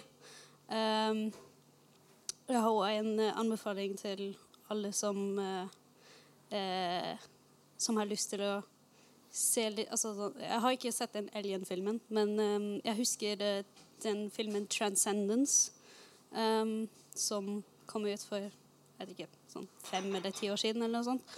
Um, og det var egentlig det første som eh, pårørte meg veldig, og faktisk opprørte eh, mye tanker rundt AI, og hva det muligens kan innebære. eh, hvilke farer som det kan innebære. Um, og eh, det som jeg mest også, eller det som jeg er mest rett for, også er det samme som uh, Heri um, sa i starten, um, nemlig at vi får den kognitive nedgraderinga. Uh, for det er noe som jeg ser hos meg selv um, og hos mange andre. Um, og det bare minner meg Eller jeg har bare jeg har bare bilder av um, Wally-mennesker um, som blir kjøtt rundt, uh, ikke tenker selv, ikke beveger seg selv lenger. og det er bare et, ja, en framtid som jeg ikke har lyst på, uh, og ikke ser frem til. For jeg, hvis den utviklingen fortsetter slik som den har gjort, så er jeg ganske uh, overbevist at det kommer til å skje. Um, så jeg er veldig enig i at det bør um, At vi bør uh, fokusere på å snakke om det mer. Uh, og utfordre det mer. Um, kanskje også rebellere litt uh, med å ikke bruke telefon lenger. Selv om jeg personlig syns det er kjempevanskelig, fordi jeg, har ikke engang, jeg kan ikke engang kjøpe bussbilletten min lenger hvis jeg ikke har smarttelefon på meg. Ja. jeg har nettopp lært om det nå. Men eh, det er mange slike ting som oppfordrer oss til å ha smarttelefon. Og enda om jeg nekter den, så må jeg uansett vite om det, og vite om mange andre alternativer. Um, man må på en måte gjøre en skikkelig innsats for å unngå å bruke AI, slik som det er uh, uh, ja, krevet av samfunnet. Um, og det syns jeg er en veldig vanskelig og skremmende utvikling. Uh, og det er ikke minst um, at det påvirker vår mental helse veldig.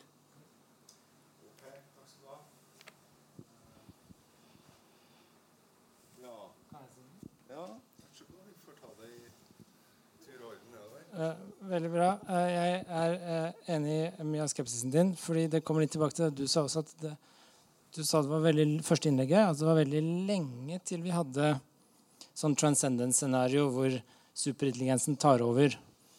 Men husk på hva superintelligens er. altså Superintelligens er jo denne ideen om at det får en maskin som er mye mye mer intelligent enn oss. Den kan også komme i domenespesifikke områder. Altså ha, vi har jo superintelligens allerede i sjakk, f.eks. Vi har superintelligens i Go, disse brettspillene, som på en måte vi ikke har sjans til å slå lenger. Er ikke, altså, en, app, altså Magn, eh, en app på telefonen min slår jo Magnus i sjakk. altså Det er ikke håp. Det er litt over akkurat med sjakk, men Go eh, det er ikke håp. Eh, så det er superintelligens på lukka områder. Og det i seg selv er et faretegn lenge før vi når generelt nivå. Hvis dere har sett Transcendence, så handler det om dette systemet som tar over hele verden. egentlig, i form av superintelligens. Men eh, vi kan få det veldig fort på at en, en business for eksempel, oppnår en overlegen intelligens på et bitte lite lukka domene for å nå noen, en, noen grupper mennesker, utenom at vi har kontroll på det. Så, så det er mange former for begrensa sånn, eh, superintelligens som vi kan miste kontrollen på. Eh, og ingen mennesker klarer å, skjønne hvordan han har kommet frem til svaret sitt. For eksempel. Sånne systemer har vi allerede. Så jeg tror, det på en måte, jeg, jeg tror ikke det er så langt unna som kanskje det ble gitt inntrykk av. Da. Jeg tror vi, ja. Kanskje vi kan uh, kommentere det først. Men jeg heller uh, ja, jeg tror, nei, Du kan bruke den. Ja. Det er jo ikke unikt for AI. Det kan jo på en måte egentlig oss mennesker også gjøre. Altså Ondskapen i verden kan jo vi selv eh, generere, generere. Sånn at eh, jeg tror jeg å svartmale AI på, på, det nivået tror jeg egentlig bare eh, kanskje ikke fører med seg til noe eh, mer debatt. Du må få bare forskere til, til å gå i vranglås isteden og kan føre til kanskje til negative konsekvenser. Jeg syns heller vi skal fokusere på å engasjere brukerne mer. Eh, og få mer deltakelse fra brukere som på en måte har dataene Eh, og jeg, Derfor så syns jeg egentlig det her initiativet fra EU i forhold til GDPR eh, er veldig bra. For det gjør jo på en måte deg som brukere av disse smarttelefonene i stand til å bestemme selv hvilke data du skal dele. Så en utfordring er jo hvordan eh, du skal få disse menneskene til å dele ut, dele, altså forstå det. Og Det er jo på en måte det som er en enda større utfordring. Altså Hva skal til for at deg og meg skal forstå hva du faktisk deler. Og har, Vi har jo forskningsprosjekt som eh, vi har, eh, vi har, satt i gang i forhold til det med å forstå, som du påpekte. og Jeg har lyst til å på en måte sette i gang den der eh, debatten i forhold til å forstå hva som skjer bak algoritmene. Det er jo veldig sånn der, fokusert innenfor AI. Trust in AI-system, som allerede nevnt. Vi har Explainable AI, blant annet, som tar en liten del av det for å forklare hva nøyaktig algoritmen gjør, sånn at du skal forstå mer konsekvensen av hva som skjer. Eh, en annen ting som jeg nevnte også, er med fairness. Altså Hvordan skal du på en måte utvikle algoritmer sånn at det blir mer rettferdig enn at data som er generert, styrer algoritmen dit vi egentlig bruker den ikke ønsker selv. Eh, et problem som vi har diskutert litt høyere opp måte, i FN-sammenheng, det er uh, hvordan involvere folk fra den tredje verden. Vi er veldig fokusert på AI i vår verden. Men vi har glemt at vi har faktisk mennesker som kan utnyttes på en helt annen måte enn det vi er i stand til å, å tenke på. Det er viktig også å påpeke. Mm. Altså, eh, jeg har skjønt at Einar har likt AI mye bedre enn programvareutvikling. Du har referert eh, her i ti ganger og meg en gang. Men det er jeg vant at eh, studentene liker AI nå mer enn programvareutvikling. Men jeg er veldig stolt av gruppa mi i programvareutvikling. I vår gruppe har han Alfinge Wang skapt Kahoot. Og jeg lurer hvordan dine barn skal få lov til å bruke Kahoot hvis ikke de har eh, smarttelefon.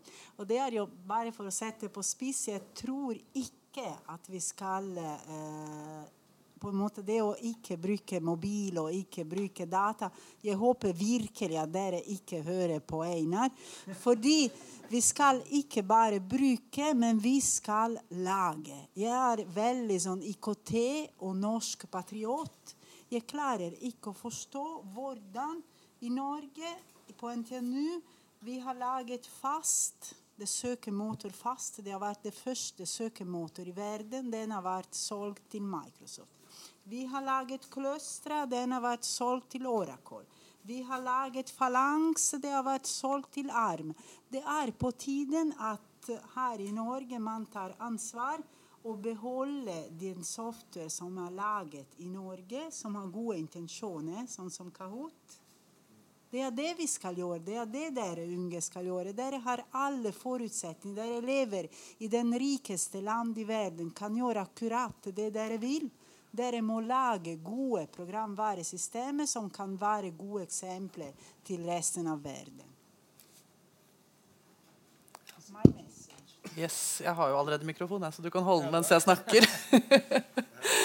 Um, ikke, ikke hør på Einar. Ja, nei, det var jo, var jo veldig svartmalende. Og, og, jeg mener, Man må jo måte, prøve å skille litt mellom hva er det liksom, altså, hva er dårlig bruk av mobiltelefon, og hva er uh, måte, farlig teknologi i, i seg selv. Da. Men det er klart at det er jo, det er jo ikke uh, klare skott mellom det. Men, men, jeg tenker at det er uh, Ja. Jeg siterte deg jo da. Jeg, jeg siterte jo for å kunne bestemme hva man forstår. Men utfordringa er jo at vi ikke alltid vil forstå. Og når jeg eh, vi, vi, har altså, muligheten Hvis vi engasjerer oss, hvis vi engasjerer oss i fair eh, teknologi, hvis vi engasjerer oss i, i teknologi for eh, et bedre samfunn, eh, så, så, er det veldig mye bra som kan skje. Men problemet er jo i det faktiske altså Man blir, man blir egoistisk, man ønsker, man, har, man blir målretta. Eh, og man skal inn og gjøre et eller annet på, på, mobiltelefonen sin, kjøpe en billett, eller et eller annet, og så kommer det opp masse sånne eh, personverntull, og du bare trykker ja, aksepter, aksepter, aksepter. Du vil bare forbi, du vil bare liksom forbi de stengslene. Eh, fordi at du, kanskje litt fordi at du er på en måte blitt litt sånn avhengig av alt det som på en måte den telefonen muliggjør for deg. Eh, og også kanskje av, eh, i et slags ønske om å ha en frihet til å slippe å ta alle mulige vanskelige valg og til å slippe å måtte forstå alle mulige vanskelige ting for å kunne leve et enkelt liv som teknologien tilsynelatende gir deg mulighet for. Da. men det er noen muligheter for utnyttelse. Jeg tenker, og det er noen tilsynelatende paradokser her. Den, den, første innleder her, du sa 'jeg håper det er lang vei' fram til denne teknologien her. Er det ikke et paradoks i det at vi jager etter en teknologiutvikling samtidig som vi håper at vi ikke kommer dit? Uh, og er det ikke også et dilemma i det her med liksom, behovet, det her trade-offen? Du ønsker mest mulig, du ønsker mest mulig treffsikker, best mulig uh, sikrest mulig, best mulig treffsikker teknologi, samtidig som du ikke ønsker å miste uh, kontrollen over den. Så det, det ligger noen sånn det ligger noen vanskelige valg her. Ja. Og, eh, hvem er det som skal ta de valgene? Og hvordan skal vi få måte, engasjert folk i det? Ja. Jeg fikk bare lyst til å svare på det. fordi at, eh, eh, og forklare kanskje litt mer hva jeg mente med det. Fordi at det som Jeg håper jo at utviklingen eh, når dit at eh, vi får enda mer avansert teknologi. Eh, som forsker så må jeg altså få programforpliktet til å gjøre det. Mm. men samtidig så håper jeg jo inderlig, før vi kommer dit, at vi har på plass verktøy eh, og andre ting. altså Vi mennesker er enda smartere til å håndtere den nye teknologien før vi når dit. Det er egentlig det jeg mener. At vi på en måte har en, eh, et samfunn som, som, eh, som allerede har på en måte noe på plass, sånn at ikke vi får en, et AI-system som blir en diktator, eksempel, bare for å sette det litt på spissen. Det er egentlig det jeg mener. Jeg må bare si litt, fordi alle var uenige med meg.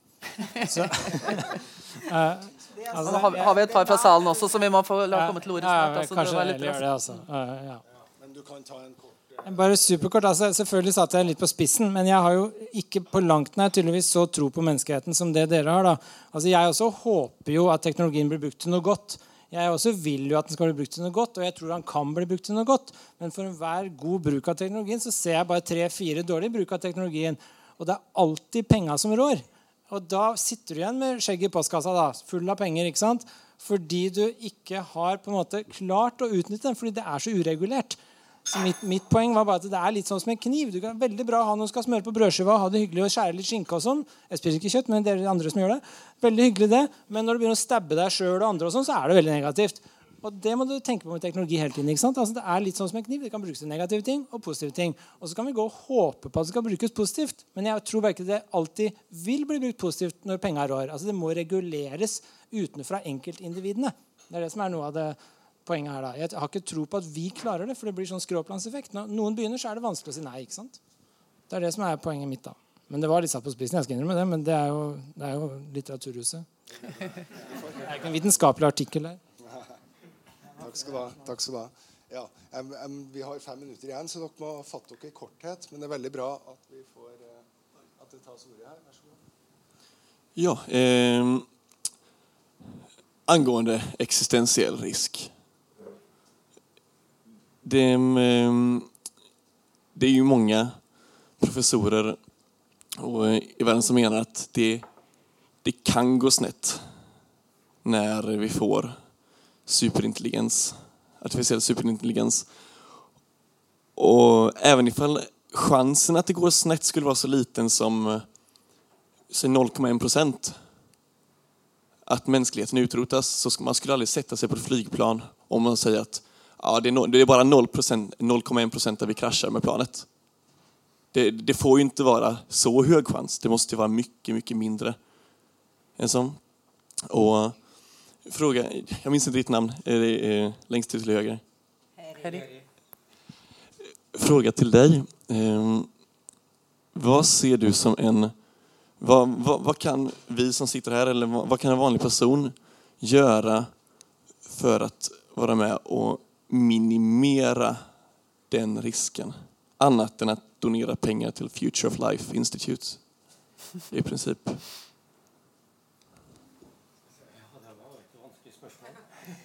Det svaret faktisk har jeg faktisk ikke. Eh, Det som eh, jeg tenker, som jeg sa, det er også eh, Hva jeg skal si, da? Altså, jeg mener at det er også forskning er jo Altså, sånn som vi håper i hvert fall fra, når det, fra Ailabens ståsted, at det, blir på en måte, det er på høy tid at vi ikke får holde på, på selv som teknologer, men at vi får impuls utenfra også, også fra dere, fra, fra filosofi og sånn, som på en måte utfordrer oss litt. Eh, vi har veldig tendens til å fokusere på mulighetene, og det skal vi gjøre. Som forskere så skal vi jo på en måte finne samfunnsnytte. Eh, brukere eh, Jeg anbefaler definitivt, når dere får de, de her avtalene, eh, les dem nøye før dere sier 'godta'. Eh, når dere har godtatt det, så er du på en måte egentlig Da har du gitt fra deg muligheten til å ombestemme deg. Heldigvis, også igjen, eh, ære være GDR, EU. GDPR tillater faktisk, selv om det har godtatt at du skal legge ut, noen skal legge ut bilder om deg på nettet, så kan du si ifra at det bildet vil jeg ikke ha eh, der lenger, så du kan få fjerna det. Eh, og det mener jeg at eh, brukerne, det gir brukerne på en måte mulighet til å styre selv hva de store selskapene skal kunne bruke data om deg selv. Eh, så er jo altså Det brukerne kan bidra med, tenker jeg, også å være med, enda mer bevisst på hva du deler av deg selv, av dine data eh, osv. Eh, så må vi håpe at de som jobber med forskning og utvikling, også har, ta, måte, har besøkelsestid. Da, holdt på å si, og, så, og ta det også vårt ansvar. Eh, så er det slik at Vi kan jo ikke gardere oss mot eh, kjeltringer. Det finnes kjeltringer i alle miljøer. Eh, det seneste i går så lurte jeg på hvorfor i all verden bruker man kreativitet til å lage software-virus istedenfor å bruke kreativiteten til å lage noe som faktisk kan gagne samfunnet. Bare for å ta et veldig, sånn, veldig enkelt eksempel. Skal vi se Ja. Fortsetter til vi blir stoppa, gjør vi ikke det? Ja, ja, ja ikke sant. Uh, ja. Eh, da må det være et kort spørsmål. Um, uh, det som jeg hørte um, ut ifra deres diskusjon nå, er egentlig at alle, alle sier sånn at det kreves det trengs veldig, veldig mye utdanning, veldig mye opplæring til hver eneste individ som bruker AI. Eh, og folk må faktisk gjøre en innsats. Spesielt hvis vi skal um, ja, verne oss mot det. Eh, så må vi være aktive. Og det er et pro eller jeg ser et problem i det. For det enkle mennesket er veldig lat. Vi vil ha kom komfortabilitet. Vi vil ha behagelighet. Eh, så vi vil Vi vil gjerne bruke det, men vi har ikke lyst til å faktisk gjøre en innsats og bruke energi på å ja, styre mot det, eller uh, bruke tid på å lære om det før vi faktisk kan ta det i bruk, hvis det ser så enkelt ut. Uh, og det gjør jo at vi bruker det veldig hjernesløst. Uh, uten tanke, uten, uten bakspørsmål. Um, og det som jeg ser, um, er at vi da at, at det bare ledes til uh, at det blir veldig mange negative uh, inntrykk av alt det. Uh, og at det påvirker oss på en negativ måte, spesielt helsemessig. Og da snakker jeg både psykisk, spesielt psykisk kanskje, men også fysisk. Og det at vi bare motgår den helt naturlige utviklinga, naturlig evolusjon. Altså den evolusjonen eh, helt biologisk sett, den blir nesten utsatt av at vi bruker så mye AI. Eh, det er noe som jeg personlig misliker ekstremt i hele den utviklinga. At fitness til det biologiske mennesket blir nesten nullgjort. For at alt blir overdekket, overdøvet av det kunstige. Og det innebærer øye. Ja. Unnskyld. Kan jeg bare nevne et ord sist? Altså i forhold til, altså Regjeringen eh, jobber nå med nasjonal AI-strategi. og Der har de eh, vært sjenerøse nok til å invitere eh, alle som jobber med, og som relevant, har relevans i forhold til den strategien, til å bidra. Og Den kommer helt sikkert på høring. Og Da er det en sjanse for alle å helt sikkert også si ifra om eh, hva man ønsker at eh, nasjonen skal på en måte eh, fokusere på og, og sånn. Det ligger en utfordring til eh, alle der i å prøve å engasjere seg i det her, selv om det er krevende. Forstå og engasjere seg. Eh, vi, det var et spørsmål Ja, vi er faktisk litt på overtid, så vi må, vi må runde av her. Men før vi eh, sier takk og ha det til alle sammen, så skal vi ha en liten eh, utdeling av en oppmerksomhet til dere som har eh, bidratt, eller iallfall bidratt mest. Skal vi se Og det er fire like. Ja. Kan ikke gjøre noe feil her. Vær så god. Skal vi se.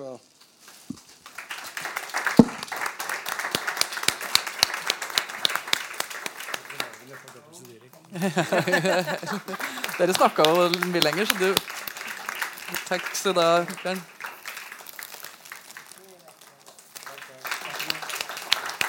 Jeg fikk jo best betalt i forhold til timepris. da ble debattsekvensen litt kortere enn det vi strengt tatt hadde behov for og kanskje så for oss. Men, men, men sånn ble det. Det var engasjerende innlegg som tok det i den tida vi tok. Så men, eh, jeg håper, jeg håper dere har hatt en fin stund her på Litteraturhuset. Det har i hvert fall vi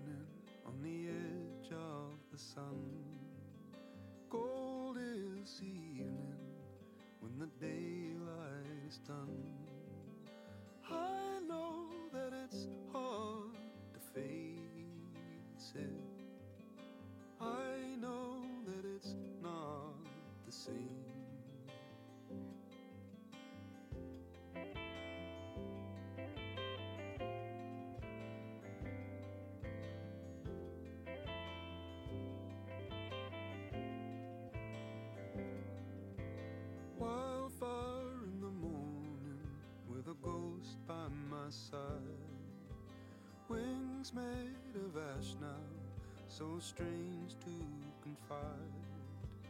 I know that it's hard to face it. I know that it's not the same. Is there something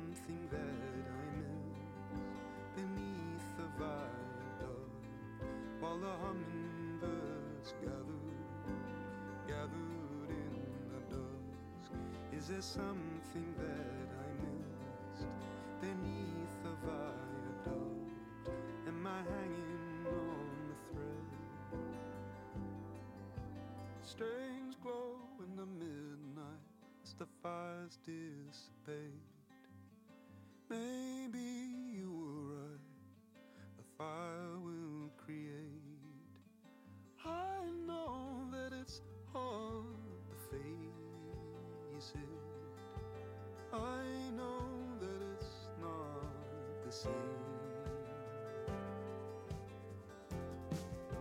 Is there something that I miss beneath the viaduct while the hummingbirds gather, gathered in the dusk? Is there that